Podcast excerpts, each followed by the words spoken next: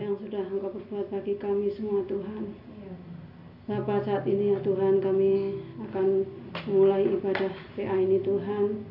Terlebih dulu Tuhan kau ampuni segala dosa salah kami Tuhan.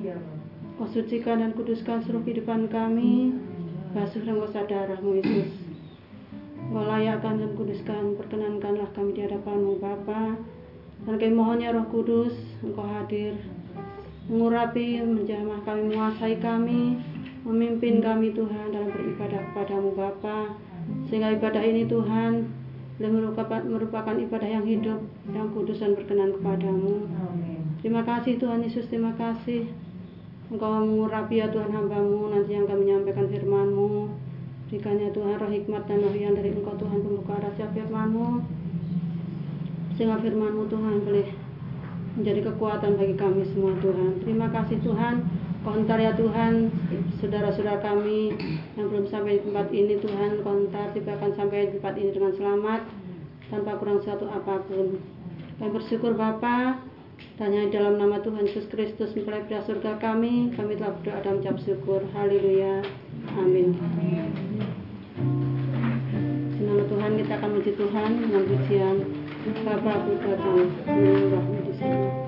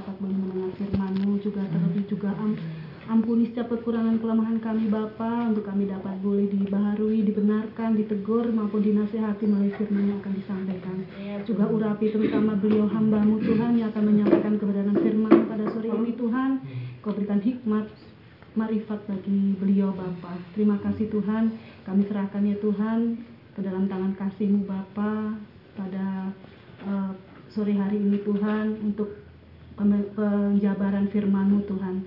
Terima kasih Tuhan hanya di dalam nama Tuhan kami Yesus Kristus Tuhan dan Juru Selamat kami mempelai surga kami kami peralaskan doa kami Haleluya kami.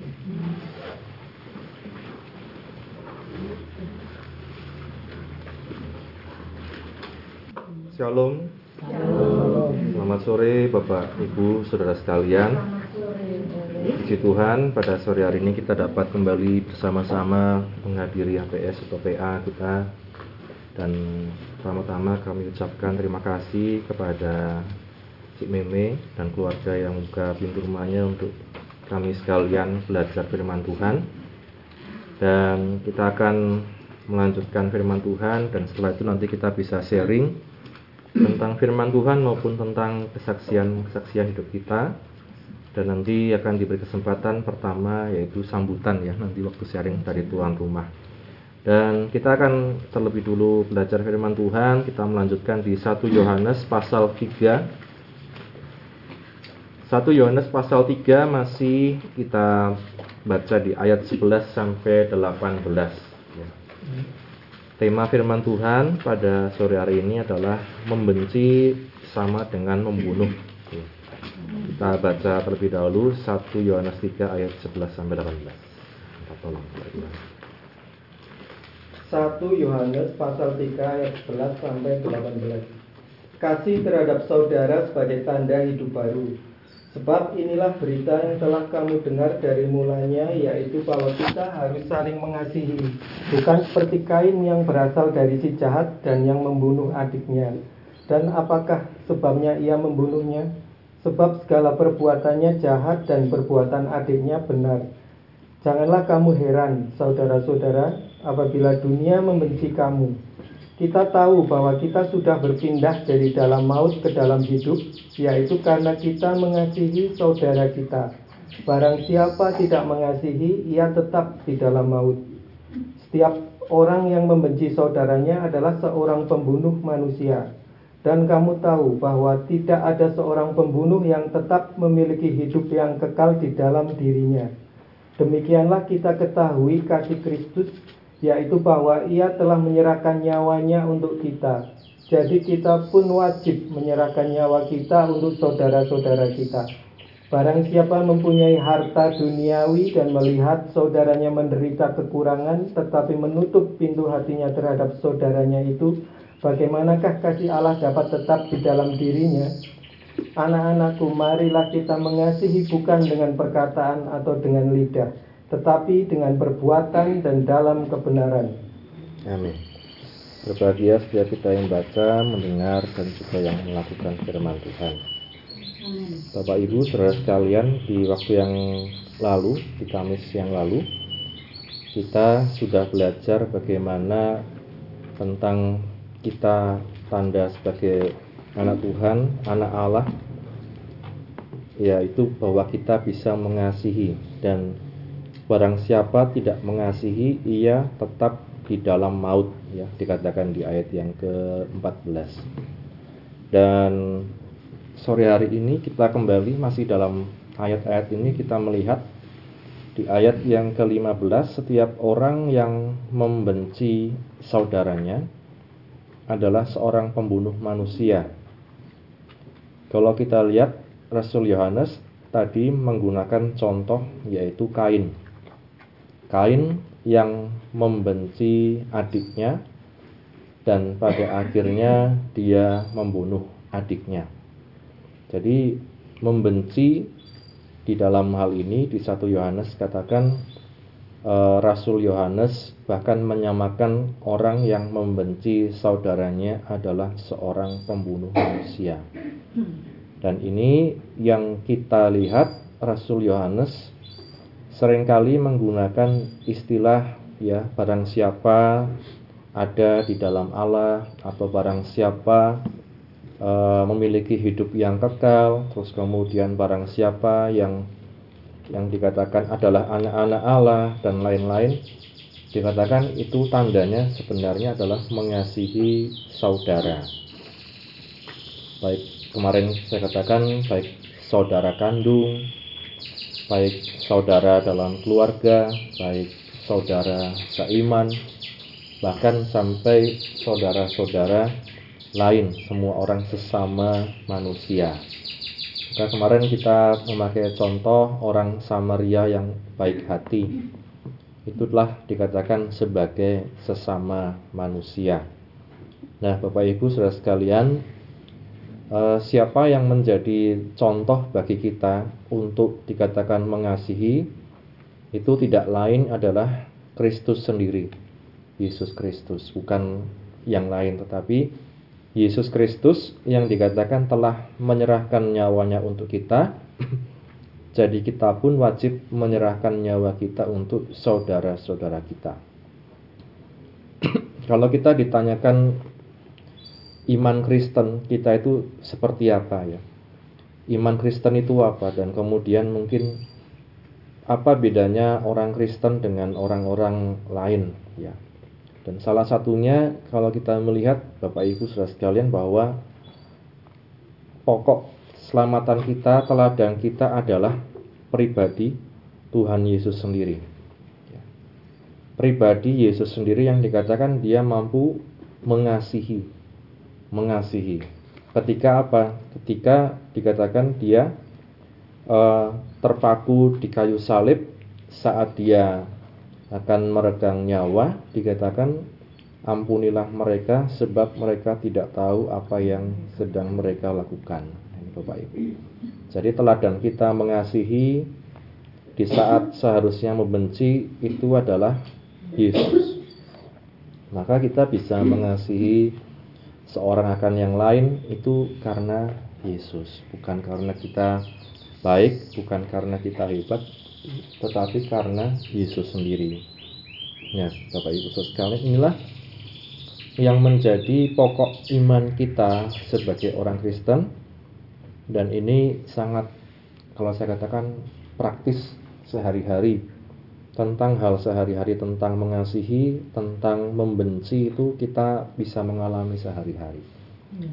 dan dikatakan tidak ada yang lain yang mampu memberi contoh yang sempurna selain Yesus sendiri Bapak Ibu saudara sekalian maka kita pun nanti bisa sharing ya Bapak Ibu saudara sekalian bagaimana dalam hidup kita mungkin kita punya pengalaman ada satu peristiwa bagaimana kita mungkin bisa uh, mengasihi tapi di peristiwa lain kita bisa membenci dan lain sebagainya. Dan inilah yang Rasul Yohanes ajarkan bahwa tidak ada seorang pembunuh yang tetap memiliki hidup yang kekal di dalam dirinya. Artinya, kalau kita percaya Yesus, kita beriman pada Tuhan Yesus, kita mendapat jaminan hidup yang kekal, tetapi dikatakan kita membenci saudara kita, meskipun kita orang Kristen, meskipun kita pengikut Kristus, dikatakan ia adalah pembunuh yang tidak memiliki hidup yang kekal di dalam dirinya. Jadi tanda orang yang benar-benar Kristen, nah ini istilahnya seperti itu ya. Tanda orang yang benar-benar Kristen itu tandanya sangat sederhana yaitu di, dikatakan dia bisa mengasihi saudara-saudaranya. Jadi Bapak Ibu saudara sekalian, kita sebagai umat Tuhan, sebagai orang Kristen, kita meneladani kasih Kristus yang menyerahkan nyawanya jadi kita pun wajib menyerahkan nyawa kita dalam arti kita punya satu uh, sifat untuk kita berkorban ya. Bukan sekedar kita beriman pada Kristen bisa menyanyikan lagu-lagu Kristen Alkitabnya Alkitab Kristen tetapi adalah bagaimana kita punya satu jiwa pengorbanan juga untuk setiap saudara-saudara kita. Ini yang tidak mudah Korban itu bukan hanya korban harta, tetapi juga korban perasaan dan korban lain-lain. Mari silakan Bapak dan Ibu Saul.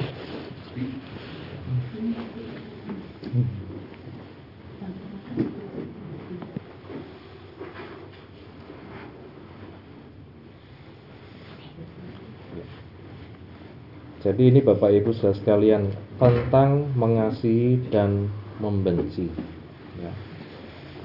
Uh, misalnya dalam hal ini kemarin saya katakan di kertak ya kemarin. Kita mau menjelang pemilu Bapak Ibu saudara sekalian. Kita mau menjelang pemilu. Zaman tahun 2019 bagaimana orang bisa sangat terbelah. Ya atau istilah kerennya itu polarisasi.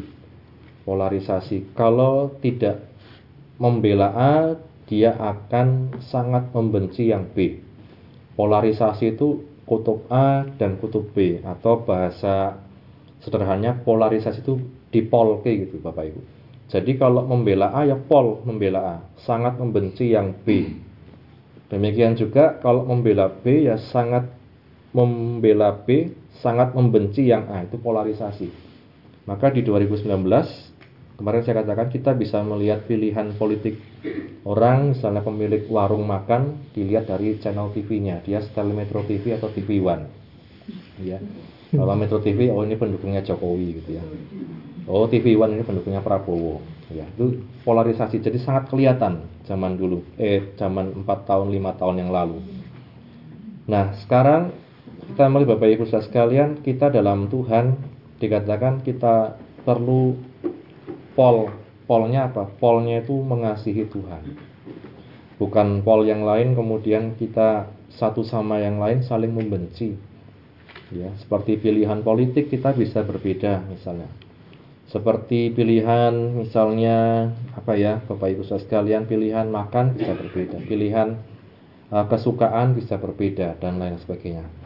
Tapi jangan sampai kita sebagai umat Tuhan terpolarisasi atau terpecah-pecah hanya karena hal-hal tersebut bahkan sampai kemudian membenci saudaranya maka dulu sampai ada dihubungkan dengan agama ya Pilihan politik bisa membuat orang ketika dia meninggal tidak didoakan atau tidak disolatkan dan lain sebagainya. Itu karena satu pilihan kemudian dihubungkan dengan agama dan lain sebagainya. Maka kita perlu sangat uh, berhati-hati dan jangan sampai kita terjebak pada hal-hal tersebut.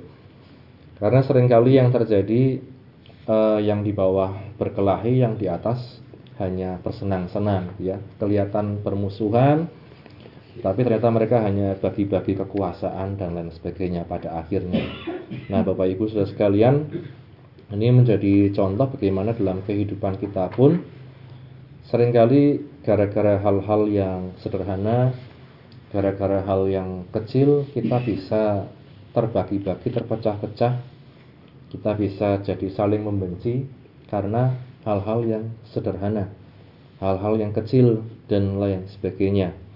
Ya, suami istri yang satu e, misalnya kalau pakai odol itu ditenet dari bawah, urut sampai ke atas. Istrinya dari tengah langsung dipencet shot gitu ya. Suami melihat ini wah ini kok poros sekali dari tengah langsung itu jadi benci bisa ya. Di eh, hal-hal uh, sederhana, hal-hal kecil bisa seperti itu Bapak Ibu saudara sekalian. E, demikian juga dalam kehidupan kita Bapak Ibu di masyarakat, di lingkungan dan lain sebagainya karena hal-hal yang sederhana, hal-hal yang kecil bisa terpolarisasi, bisa terbagi-bagi, bisa saling membenci satu sama yang lain. Ya, bahkan mungkin anak-anak Tuhan pun bisa sampai seperti itu hanya mungkin karena kita melihat tayangan di YouTube saya pembela pendeta A, yang lain pembela pendeta B, yang satu pembela ajaran A, yang satu ajaran B, akhirnya bisa saling menghujat ya Bapak Ibu saudara sekalian dalam kolom komentar. Nah, kita sebagai umat Tuhan, firman Tuhan katakan kita harus selalu ingat apa yang dikatakan Yohanes bahwa tidak ada seorang pembunuh atau pembenci yang tetap memiliki hidup yang kekal di dalam dirinya.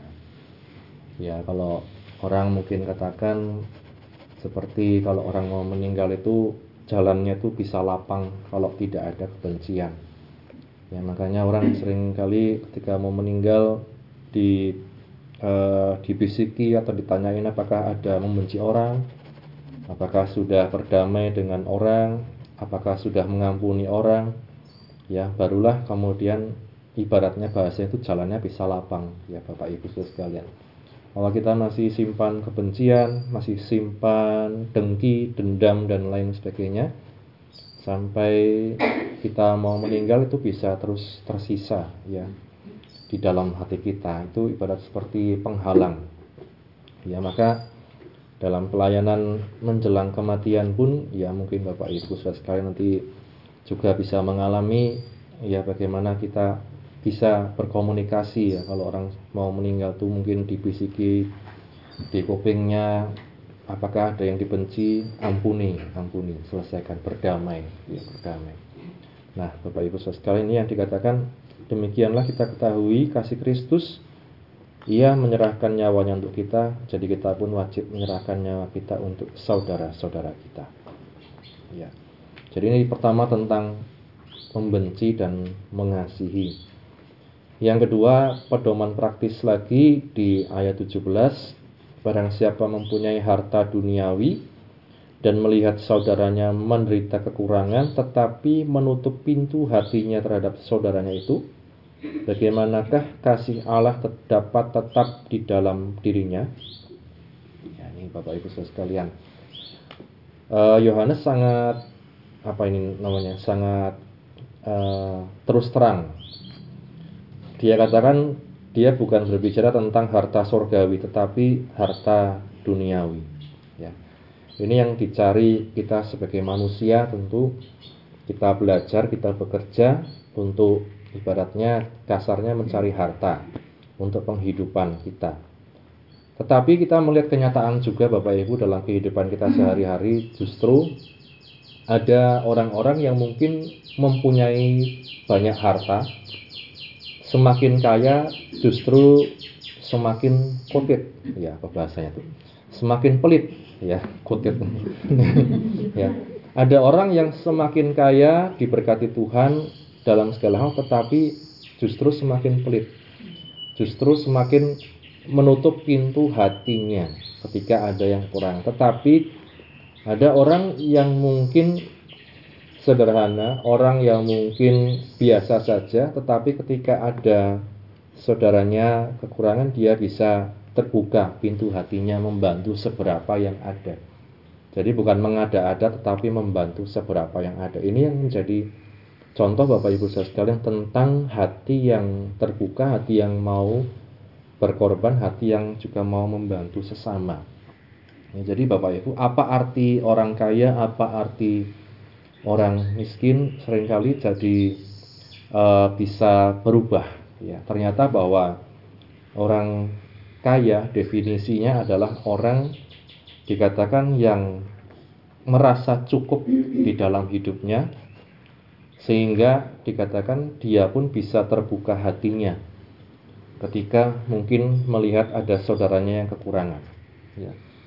Sebaliknya, siapakah orang yang miskin? Orang miskin justru dikatakan kalau kita melihat dalam kehidupan sehari-harinya, orang yang tidak pernah merasa cukup, tidak pernah merasa cukup, merasa kurang, meskipun hartanya mungkin sudah sangat banyak, sudah segunung, tetapi dia tetap merasa kurang sehingga ada saudaranya yang menderita kekurangan, dia tidak merasa terbuka hatinya untuk membantu. Maka Bapak Ibu Saudara sekalian, kalau kita mau mendefinisikan orang kaya dan orang miskin, bukan hanya kita melihat dari hartanya seberapa banyak, uangnya seberapa banyak, harta bendanya seberapa banyak, tetapi justru bagaimana pintu hatinya terbuka. Ya, yang kedua bagaimana dia merasa cukup dalam hidupnya. Nah, Bapak Ibu sekalian ini definisinya. Kalau kita tidak pernah merasa cukup, kurang terus ya, ibaratnya justru kita dapat dikategorikan sebagai miskin. Ya, karena kita tidak pernah merasa cukup walaupun sudah dipercaya Tuhan banyak harta, pada akhirnya tidak pernah merasa cukup. Ya. Kemudian kita melihat dalam Amsal juga pernah dikatakan ya, saya tidak hafal tapi ya, Amsal orang yang banyak hmm. menyebar harta justru tidak akan berkekurangan di dalam hidupnya, ya. Sedangkan dikatakan orang yang pelit atau apa itu ya, justru akan terus kekurangan, Bapak Ibu. Ya. Mungkin ada yang ketemu ayatnya, nanti bisa dengan ya.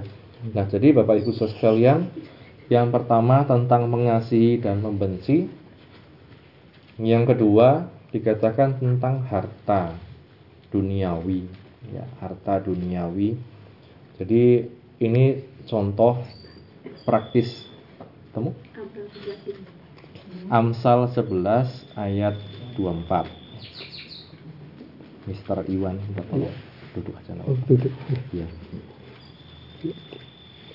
Amsal pasal 11 ayat 24 Ada yang menyebar harta tetapi bertambah kaya.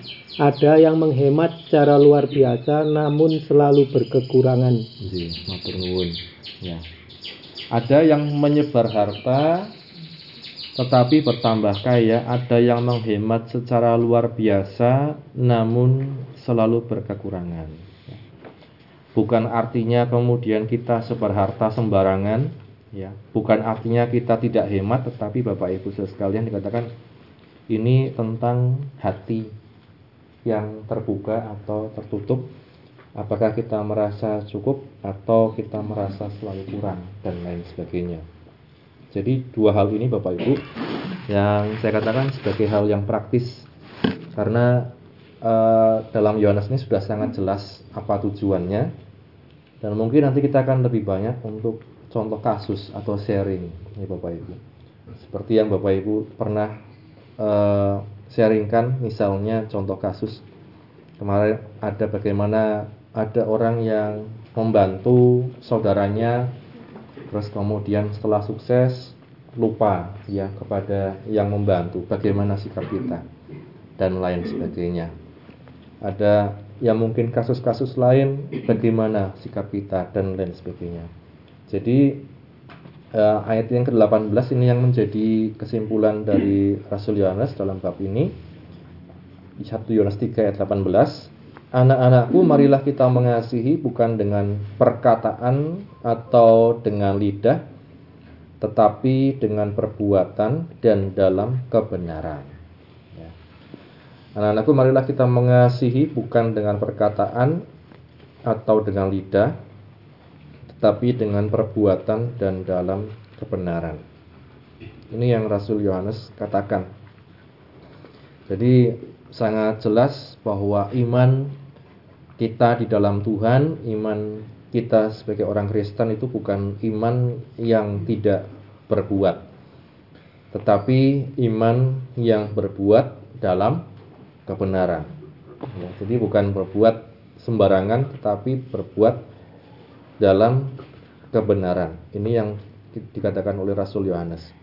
Rasul Yohanes dikatakan anak-anakku, ya dia sudah mengalami berbagai macam pengalaman dalam hidupnya sehingga ketika dia menuliskan surat ini dia sudah cukup sepuh, cukup tua sehingga dia setelah lihat pengalaman banyak dari mulai dari murid menjadi murid Yesus sampai kemudian dia nantinya dibuang di Patmos dan lain sebagainya dia memiliki satu kesimpulan bahwa kalau iman Kristen itu iman yang bukan hanya berkata-kata tapi iman juga yang berbuat tetapi dalam kebenaran. Ya, jadi Bapak Ibu saudara sekalian, uh, kita mungkin akan atau mungkin sudah mengalami hal-hal ini.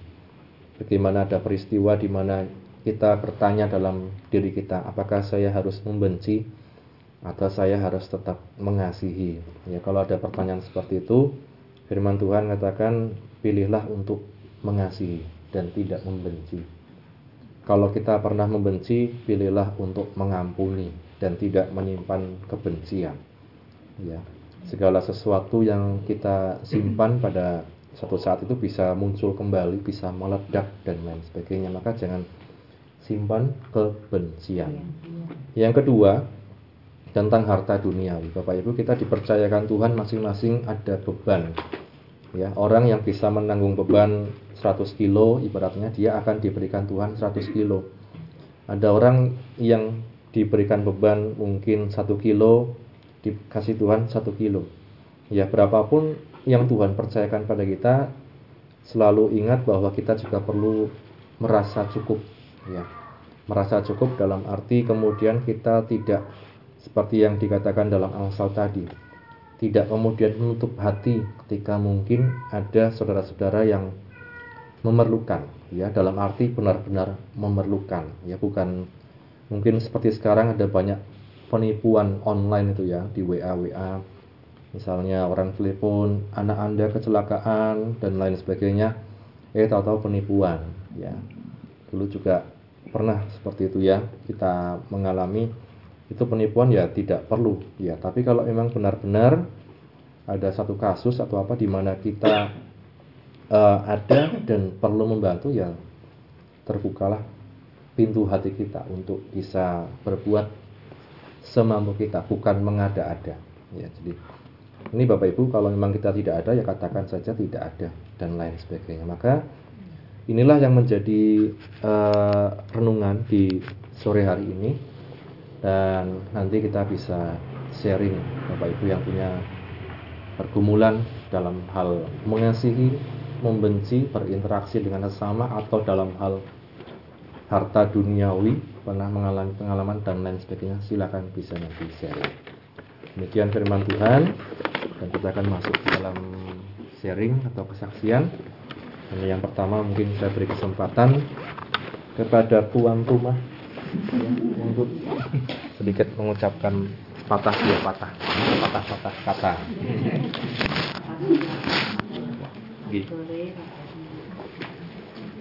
Sore. Terima kasih untuk Pak Gembala, Ibu Penasihat, dalam menyaksikan tempat atau apa ya kurampinya tidak berkenan. Terima kasih Pak Yes. Oh iya. Terima kasih uh. Uh, Tuhan Yesus yang selalu memberkati ya dalam apa pun yang dikerjakan ya Tuhan Yesus berkati. Terima kasih. Monggo Bapak-bapak, ibu-ibu, silakan ada yang mau berbagi, sharing tentang firman Tuhan atau bersaksi, kami persilakan.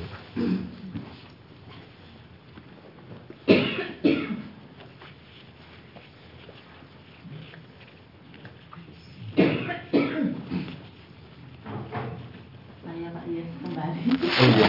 Balik Pak Yes. Eh, sedikit ya. mengucap syukur aja terima kasih untuk waktunya Eh, tadi tentang firman Mengasihi membenci kembali lagi yang Bapak Gembala berikan firman selalu mengasihi menguatkan kita tentang mengasihi, mengampuni, kembali lagi ke keluarga. Saya sebenarnya maaf Pak, ingin sharing dari kemarin-kemarin tapi nanti, ah nanti, ah nanti gitu. Kadang dalam keluarga itu yang menjadi batu sandungan itu malah keluarga sendiri kadang entah itu adik entah itu kakak atau keluarga inti lah begitu tapi di sini saya mengucap syukur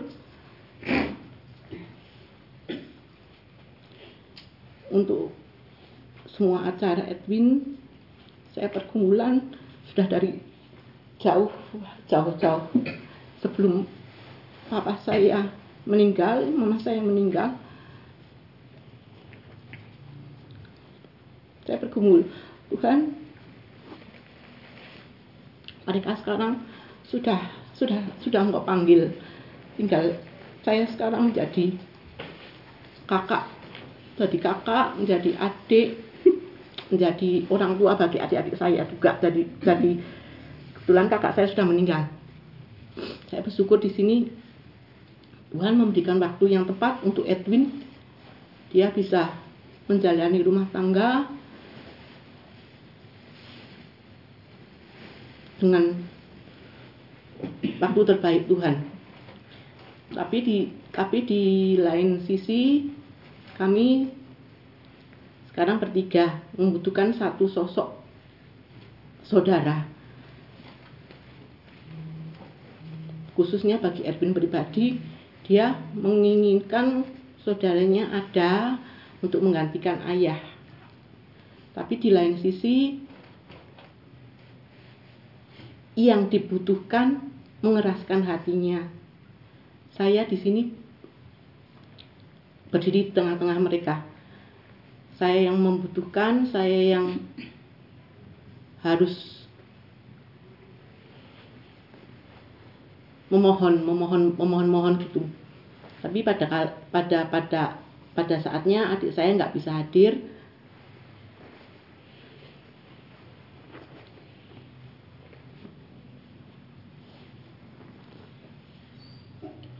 Satu kekecewaan suatu gimana ya gelo kok. Kita bertiga kita butuh kita saling menguatkan kok nggak bisa datang. Tapi ya itu saya bersyukur.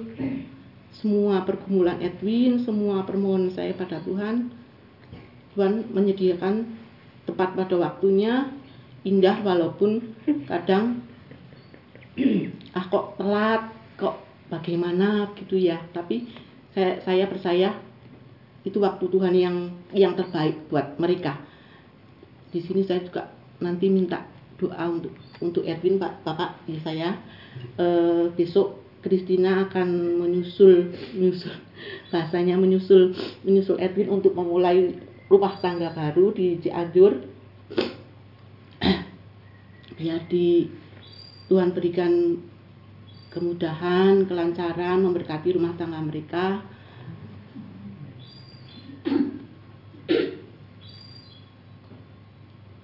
Biar waktu Tuhan yang terbaik untuk mereka. Saya juga di sini berterima kasih.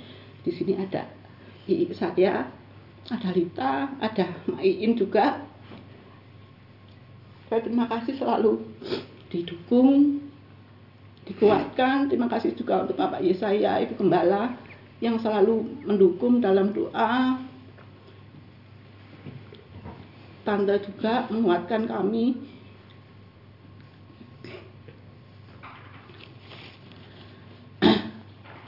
karena bagaimanapun juga Edwin Edwin mungkin dengan Wowo secara tidak langsung menjadi anaknya Om kalau Om Om ke mana-mana kadang mencarinya Edwin dan Wowo. Itu saja cukup Pak saya terima kasih. Terima kasih Cik Mi kesaksiannya dan sharingnya atas kalian. Dan nanti kita doakan ya Bapak Ibu untuk besok rencana Mbak Kristina ya, ya. untuk menyusul suami Oh Edwin ke Cianjur dan kita doakan menjadi keluarga yang terus diberkati Tuhan dan terus setia dalam Tuhan. Amin terima kasih. Uh, selanjutnya Bapak Ibu silakan mungkin ada yang sharing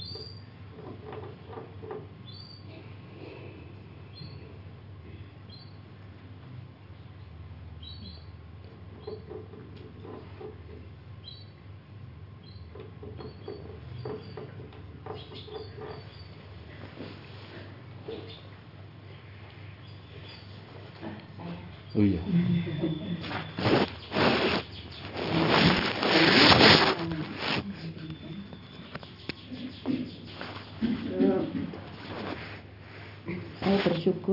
Berterima kasih buat firmannya. Firman tentang mengasihi mengampuni dan mendoakan. Itu pelajaran pertama yang dulu saya dapatkan dari Bapak Gembala almarhum. Itu terus diulang-ulang. Ya beberapa kali khutbah juga mengasihi, mengampuni, mendoakan itu.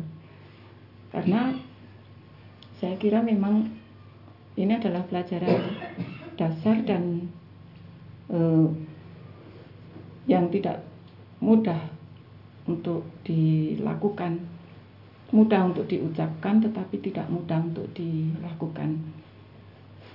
Demikian juga dengan saya, saya setuju tadi dengan Mama Doni bahwa mengasihi, mengampuni keluarga inti itu eh, apa sulit ya sering terjadi sering terjadi salah paham clash di dalam keluarga. Suami anak mertua orang tua kadang-kadang membuat kita juga untuk belajar mengasihi, mengampuni, dan mendoakan. Uh, yang saya alami, saya saya bisa mengampuni yang satu, tetapi seperti uh, seperti khutbah beberapa waktu yang lalu di hari Minggu itu bahwa luka itu tetap ada bekasnya tapi sudah sembuh dan betul itu sudah sudah sembuh terhadap satu orang. Tetapi kadang terhadap orang lain uh, ingat lagi ingat lagi. Apalagi kalau misalnya saja itu uh, apa misalnya kata-kata yang menyakitkan itu diulang lagi diulang lagi diulang lagi. Uh, sekarang saya sudah mulai untuk belajar untuk mengampuni ya tetapi besok mendengar kata itu diucapkan lagi. Jadi terluka lagi. Saya belajar lagi untuk mengampuni lagi. Besok diulangi lagi seperti itu berulang-ulang. Dan saya selalu pegang mengampuni harus selalu mengampuni 77 kali 7 kali. Harus mengampuni. Artinya ya harus mengampuni lagi mengampuni lagi disakiti lagi mengampuni lagi disakiti lagi mengampuni lagi terus nah, itu yang kadang-kadang saya eh, bukan bukan tidak mampu. Tetapi harus lebih banyak belajar. Belajar untuk mengalah. Ketika ada yang seperti itu saya mengalami yang seperti itu. Bukan ini malah bukan keluarga inti dari orang lain. Yang setiap hari saya e, berkomunikasi. Teman yang setiap hari ketemu setiap hari apa harus berkomunikasi. Meskipun saya ingat mengampuni 77 kali 7 kali mengampuni lagi disakiti lagi mengampuni lagi sakiti lagi. Karena seperti itu maka saya kemudian menarik diri membatasi diri. Bukan saya memutuskan tali silaturahmi tetapi saya menarik diri supaya saya bisa menjaga mulut saya untuk tidak membalas karena eh, jujur saja kelemahan saya di situ. Kalau berulang kali pastilah saya akan membela diri membenarkan diri sendiri gitu. Dan, Pak teman itu hmm, mantu punya kerja ya saya kondangan seperti biasa. Kemudian ada hajat apa? Ya saya datang. Sakit ya saya tengok. Tetapi saya hanya membatasi untuk tidak terlalu banyak berkomunikasi supaya mulut saya bisa saya jaga untuk tidak membalas. Meskipun di dalam hati aduh ih gitu loh. Nah, kalau kalau menghadapi hal seperti ini apakah sikap saya ini sudah benar atau saya harusnya bagaimana? Terima kasih. Terima kasih Bunda untuk sharingnya. Mungkin Bapak Ibu ada yang mau menambahkan lagi ya, Bapak Kisah-kisah lain nanti sambil kita akan sama-sama lihat dari firman Tuhan dan lain sebagainya. Silakan. Ibu-ibu, bapak-bapak.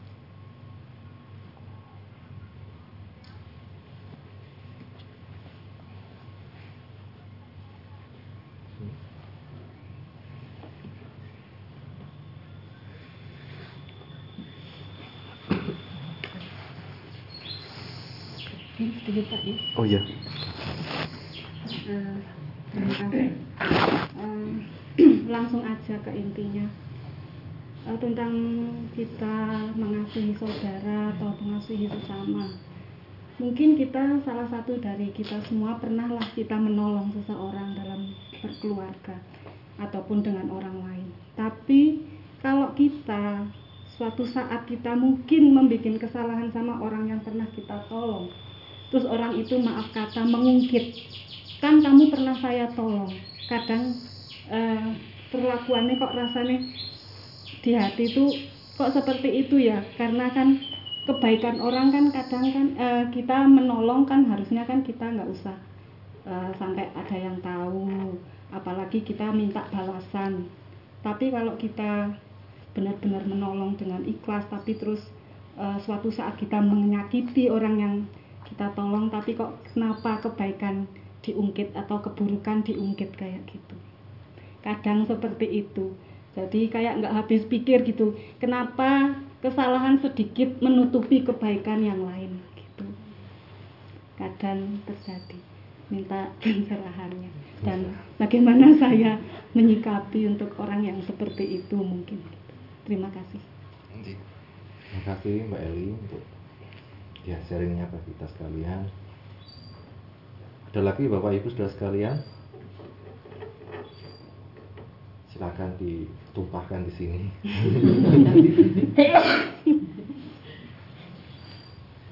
Mari.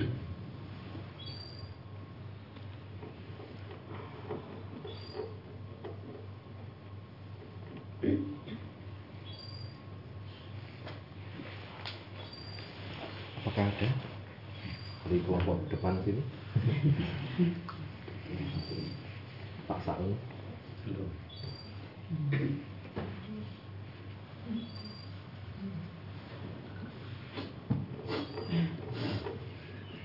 Pak D.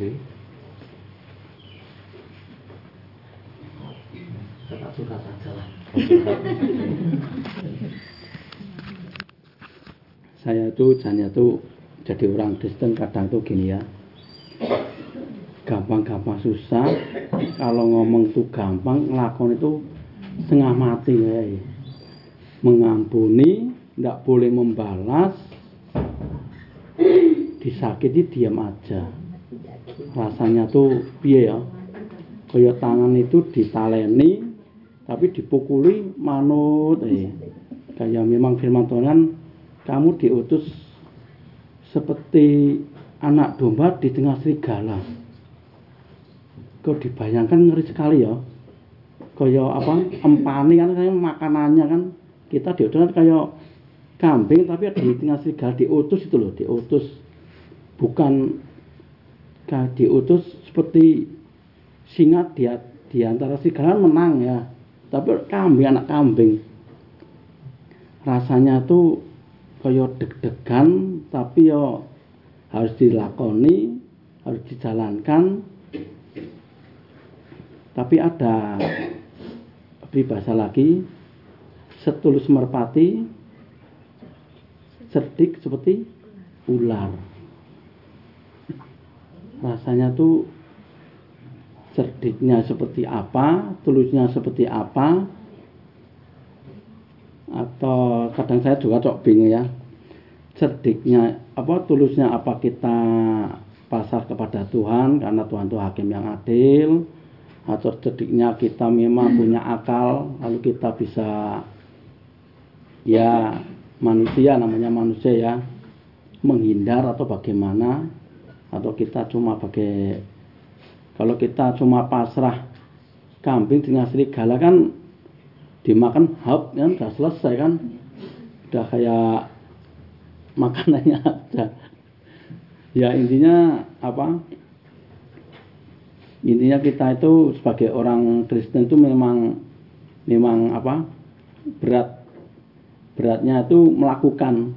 Kalau ngomong sih enak sekali. Ngampuni mengampuni. Kamu harus mengampuni. Lakoni kondisi nah itu. Kadang apa ya kita sama-sama belajar lah ya. Sama belajar belajar melakukan itu kan sambil berjalan sama bimbingan Roh Kudus apa tanpa kita bimbingan Roh Kudus itu kita itu kayaknya tuh tidak bisa loh hidup di dunia ini untuk sesuai firman Tuhan itu kayak tidak mustahil kalau kita hidup tanpa pimpinan Roh Kudus mungkin itu aja Om Yes Siap. curhat saya Ya. Curhat Mama Dede. ya. Makasih Pak D curhatnya. Yang memang tidak mudah ya Bapak Ibu untuk melakukan firman Tuhan. Ya. Ada lagi Bapak Ibu?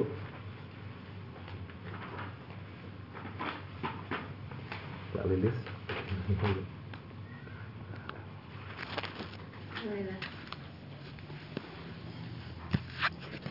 Ini sangat seru ya.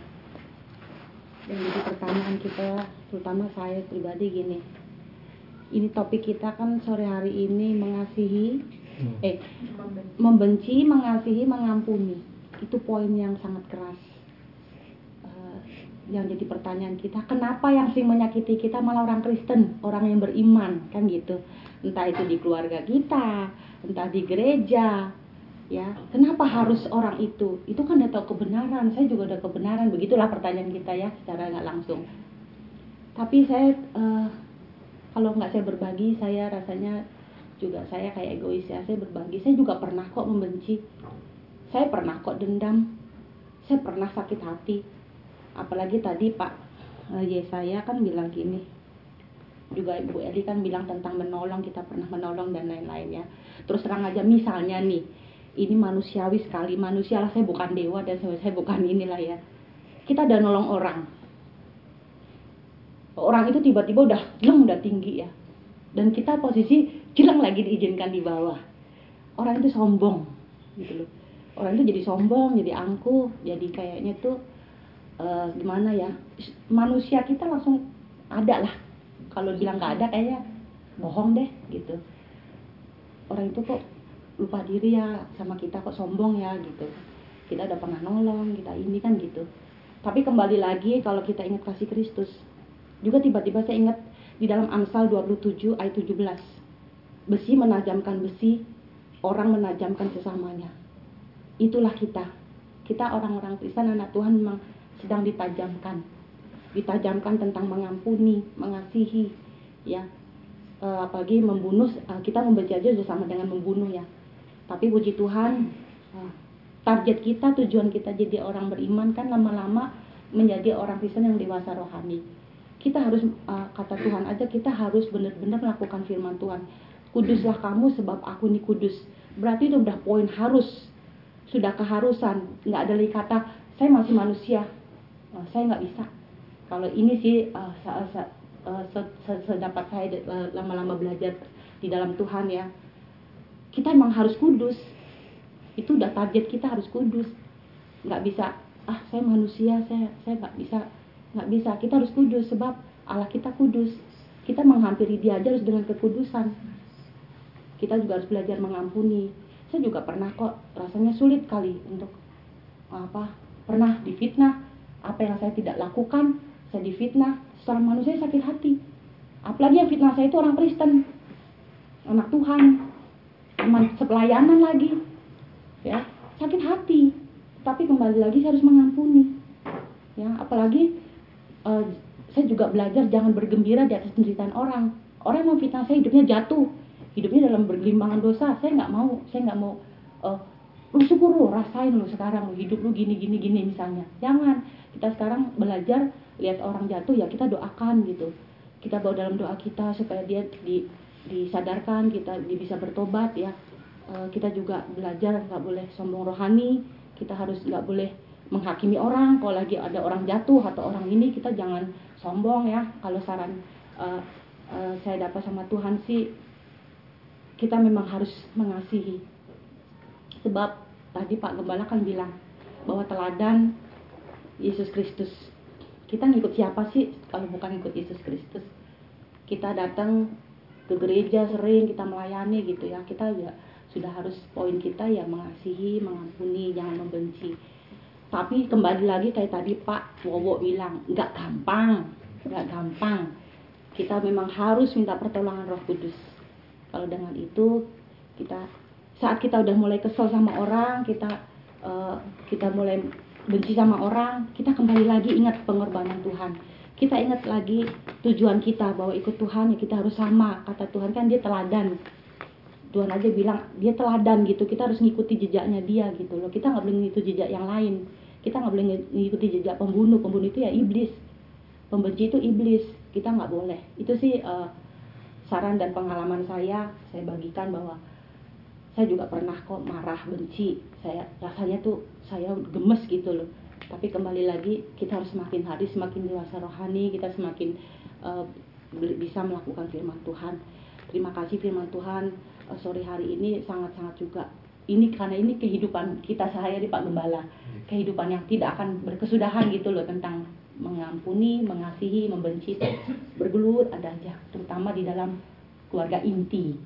Seringnya banyak kan memang betul di keluarga inti. Tetapi ya kembali lagi kalau kita harus bisa jaga Yerusalem dulu baru kita keluar. Kalau kita di dalam keluarga kita nggak bisa menerapkan menerapkan firman Tuhan gimana kita mau keluar gitu loh kita bisa mengampuni orang luar. Kalau kita nggak bisa mengampuni keluarga kita sendiri uh, kita gimana mau mengampuni orang gitu ya Pak Gembala gitu loh. Itu sih saran saya terima kasih. Dan kiranya kita semua saling dikuatkan setiap kita home Bible study. Amin. Amin. Terima kasih Terima kasih Mbak Lis untuk saksiannya. Juga uh, masukannya untuk kita sekalian dan pengalaman-pengalaman karena ini topik yang sangat praktis setiap hari gitu Bapak Ibu. Maka seperti yang tadi dikatakan memang tidak mudah ya. Tidak mudah tapi dalam uh, keseharian kita dalam firman Tuhan bukan berarti tidak perlu diberitakan ya tetapi memang tidak mudah diberitakan tetapi untuk menerapkannya kita perlu belajar dari hari ke hari. Ya seperti kemarin saya bertemu dengan uh, acara pendeta-pendeta ya Bapak Ibu sekalian. Ini contoh saja. Uh, ada pendeta yang sharing bagaimana dia kena uh, berbagai macam penyakit. Salah satunya darah tinggi. Ya ketika ditanya dokter apa kesukaan makannya? Ya ketika tahu dia dari luar pulau apakah suka B1 ya B1 itu guguk Bapak Ibu bahasanya ya. Kan? apakah suka B2 B2 itu ya babi ya. Terus apakah suka yang makan-makan lain? Ya. Dan pendeta ini bilang sama dokternya Iya Pak, saya sulit untuk tidak bisa makan seperti itu, jadi harus makan. Ya, tetapi setelah diomong begitu di hari-hari berikutnya dia jadi bisa mikir Bapak Ibu. Dan dia tidak seperti dulu. Dia bisa makan tapi tidak sebanyak dulu. Artinya perkataan dokter itu nyantol di kepalanya, di hatinya. dalam arti bahwa kita pun Bapak Ibu untuk belajar firman Tuhan, menerapkan firman Tuhan itu memang tidak mudah. Tapi bukan berarti kemudian kita tidak belajar dari firman Tuhan, tidak uh, memberitakan firman Tuhan.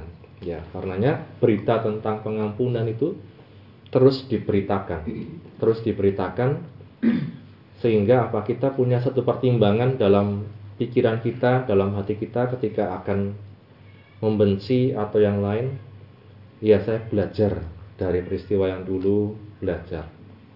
Bagaimana, oh sekarang saya bisa mulai belajar untuk mengampuni.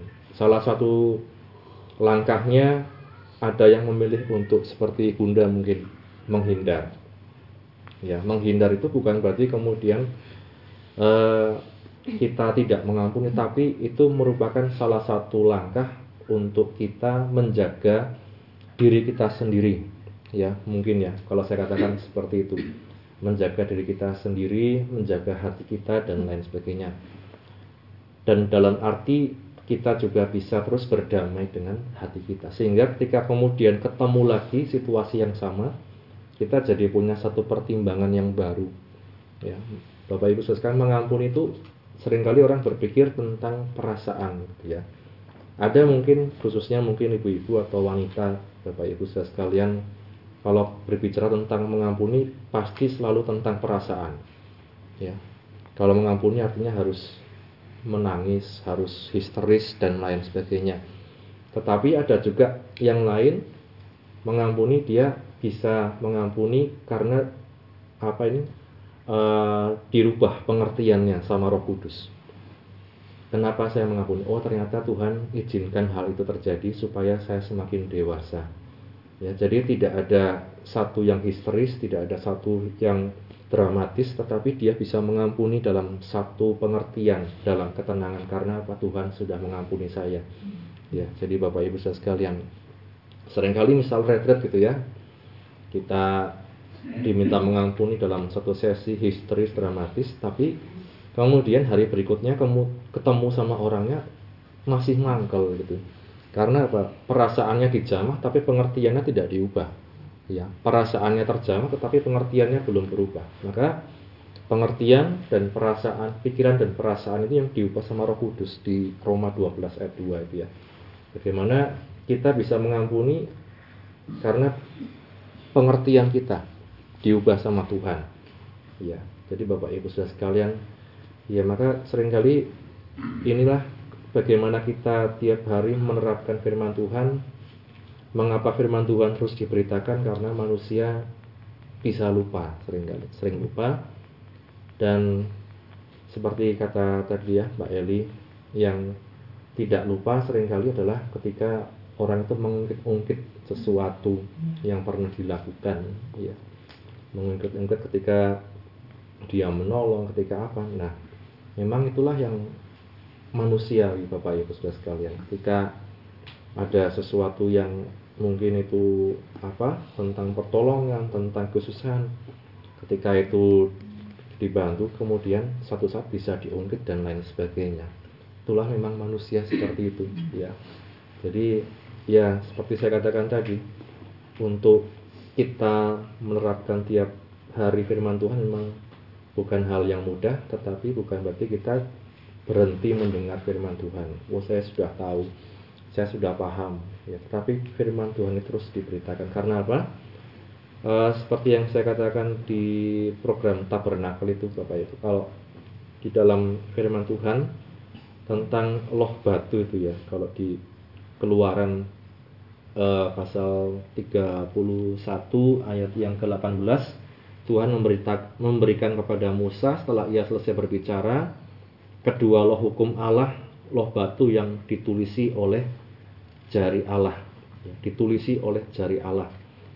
Kemudian uh, kalau kita melihat di pasal 32 ayat 16 kedua loh itu ialah pekerjaan Allah dan tulisan itu ialah tulisan Allah ditukik pada loh-loh itu. Ditukik pada loh-loh itu. Loh loh itu apa sih? Kalau kita lihat di Amsal Bapak Ibu contohnya loh itu kalau dalam pengertian kita sekarang itulah hati manusia. Ya bagaimana hati manusia? Misalnya di Amsal 3 ayat 3 Janganlah kiranya kasih dan setia meninggalkan engkau Kalungkanlah itu pada lehermu Tuliskanlah itu pada loh hatimu. Ya. Firman itu Bapak Ibu sering kali kalau mau ter, uh, ada dalam hati kita ternyata bukan hanya asal lewat ya. Dalam loh batu, peristiwa loh batu firman itu ternyata ditulisi oleh jari Allah. Ditulisnya dengan apa? Ditukik Bapak Ibu. Ditukik itu kalau tadi saya lihat di kamus ditekan. Ditekan. Ditekan sampai menimbulkan bekas.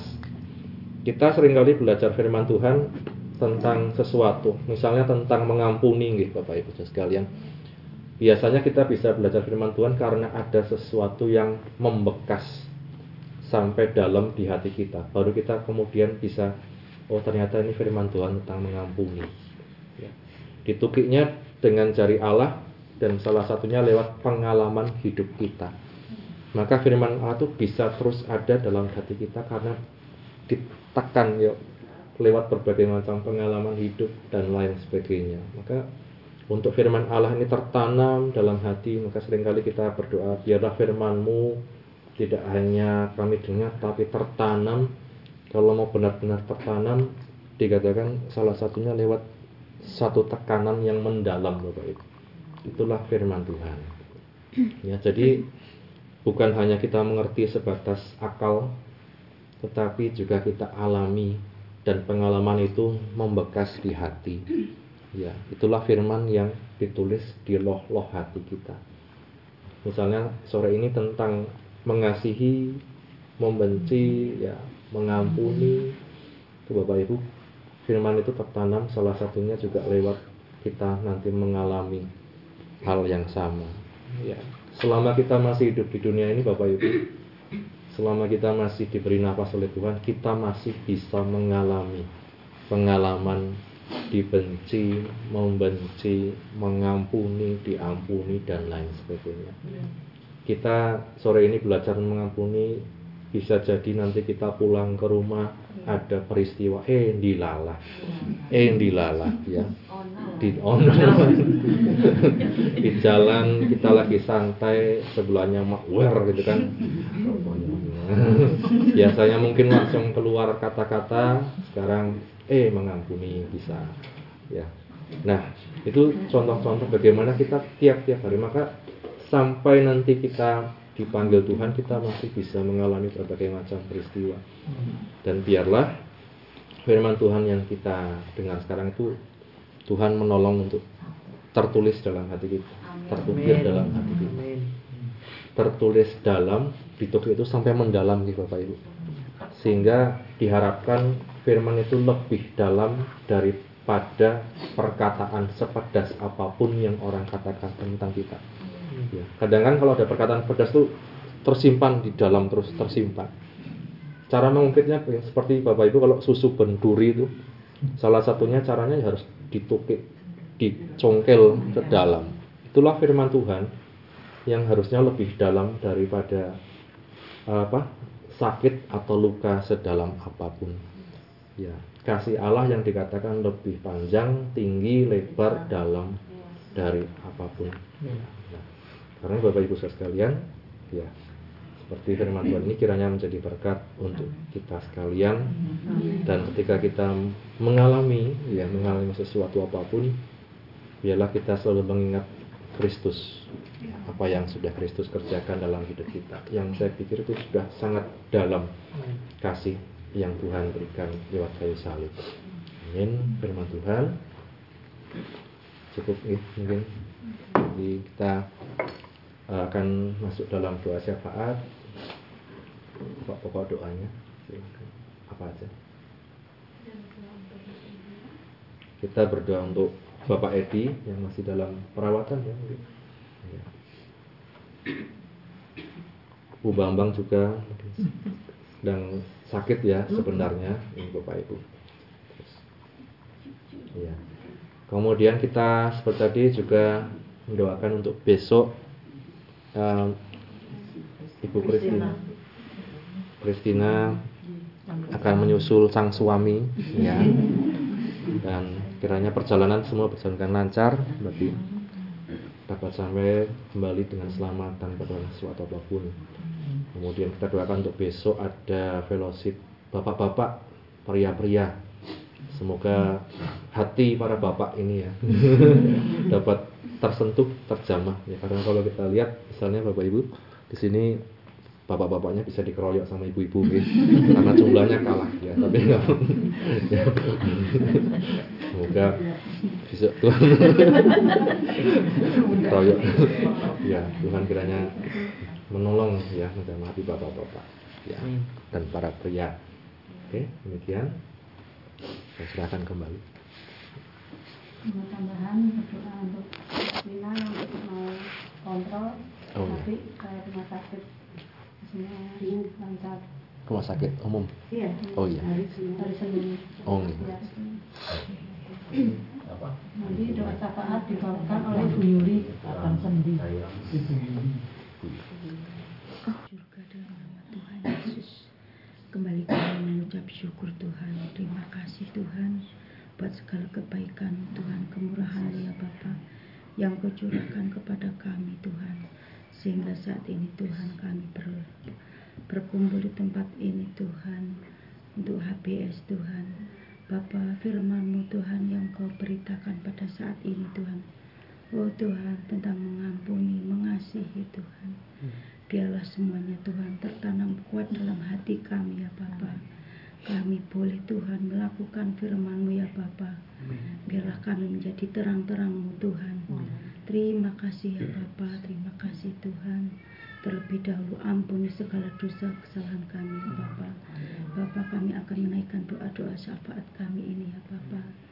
Tuhan kami berdoa Tuhan untuk Tuhan gerejamu Tuhan di mana kami Tuhan berada Tuhan biarlah kiranya Tuhan Kau memberkati Tuhan Oh Tuhan, Kau berkati Tuhan, keluarga pastori Tuhan, Ibu penasihat Tuhan, Bapak Ibu pendeta Yesaya Tuhan, berkati mereka semua ini Tuhan.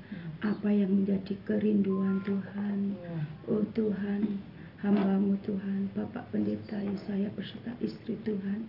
Kami percaya Tuhan, Kau mengetahui Tuhan, beliau-beliau ini Tuhan merindukan momongan Tuhan. Kami hanya berdoa kepadamu Tuhan. Kami percaya Tuhan, Engkau maha mengetahui Tuhan. Karena kami percaya Tuhan janjimu hanya ya dan amin Tuhan. Bukan waktu kami Tuhan, tetapi waktumu yang terbaik untuk pendeta kami beserta istri Tuhan.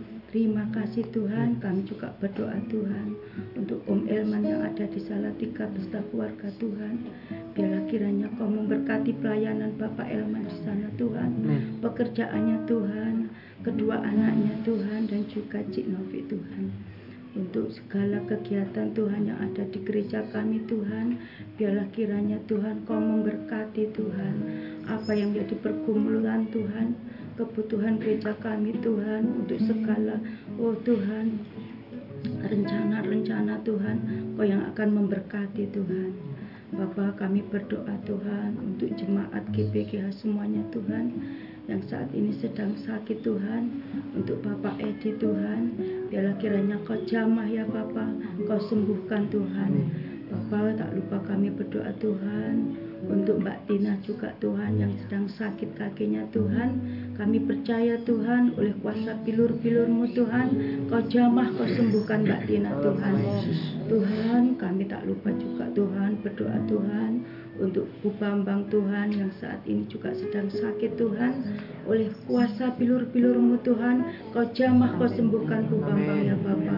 Untuk rencana Tuhan Oh Tuhan Ibu Kristina Tuhan yang mau menyusul Tuhan Om Edwin Tuhan Biarlah kiranya Tuhan Kau pimpin perjalannya Tuhan.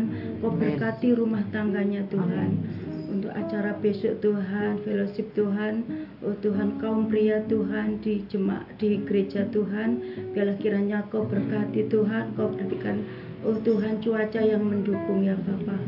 Terima kasih ya Tuhan, terima kasih ya Bapa. Kami juga berdoa Tuhan untuk jemaat GPK yang sakit Tuhan, baik itu Tuhan untuk saudara Agus Tuhan, saudara Titus Tuhan dan juga pemulihan Tuhan, Ibu Lian Tuhan, biarlah kiranya Tuhan Kau menyempurnakan kesehatan mereka semua ini ya Bapak juga untuk Omap dari Ibu Bu Bambang Tuhan Kau berikan kesehatan Tuhan yang hanya daripadamu Tuhan.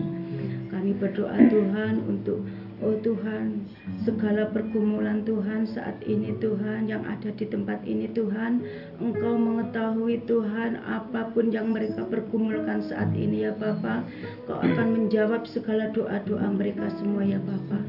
Terima kasih ya Tuhan, kami berdoa Tuhan untuk bangsa Indonesia ini Tuhan, dari pemerintahan pusat Tuhan, Bapak Jokowi Tuhan, beserta wakilnya Tuhan, Bapak Menteri Tuhan, aparat Tuhan, pemerintahan Tuhan dari Oh Tuhan, keamanan Tuhan, bahkan Tuhan sampai ke Kabupaten Wonosobo ini Tuhan, Bapak Bupati, Wakil Bupati Tuhan, bahkan sampai RT RW di mana kami berada Tuhan.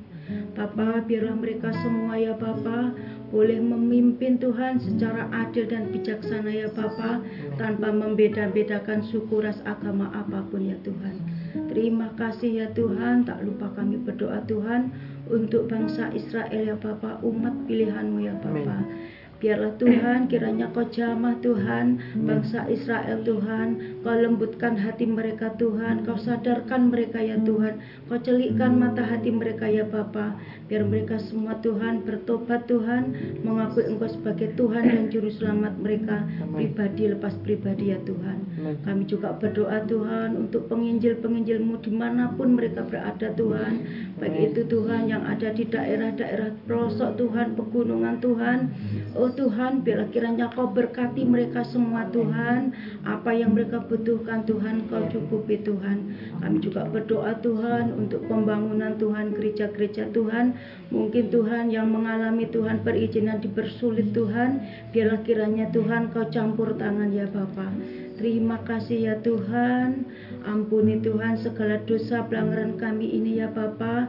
Biarlah firman-Mu itu Tuhan boleh menjadi kekuatan, menjadi rema dalam hidup kami ya Bapa. Terlebih-lebih Bapa kami boleh melakukan firman-Mu ini ya Bapa. Terima kasih ya Tuhan doa-doa ini ya Bapa yang jauh daripada sempurna Tuhan. Kami alaskan hanya di dalam satu nama Tuhan Yesus mempelai surga kami. Haleluya. Amin. Tuhan memberkati engkau dan melindungi engkau. Tuhan menyinari engkau dengan wajahnya dan memberi engkau kasih karunia. Tuhan menghadapkan wajahnya kepadamu dan memberi engkau damai sejahtera. Ini kami menaikkan dalam nama Tuhan Yesus Kristus. Bapa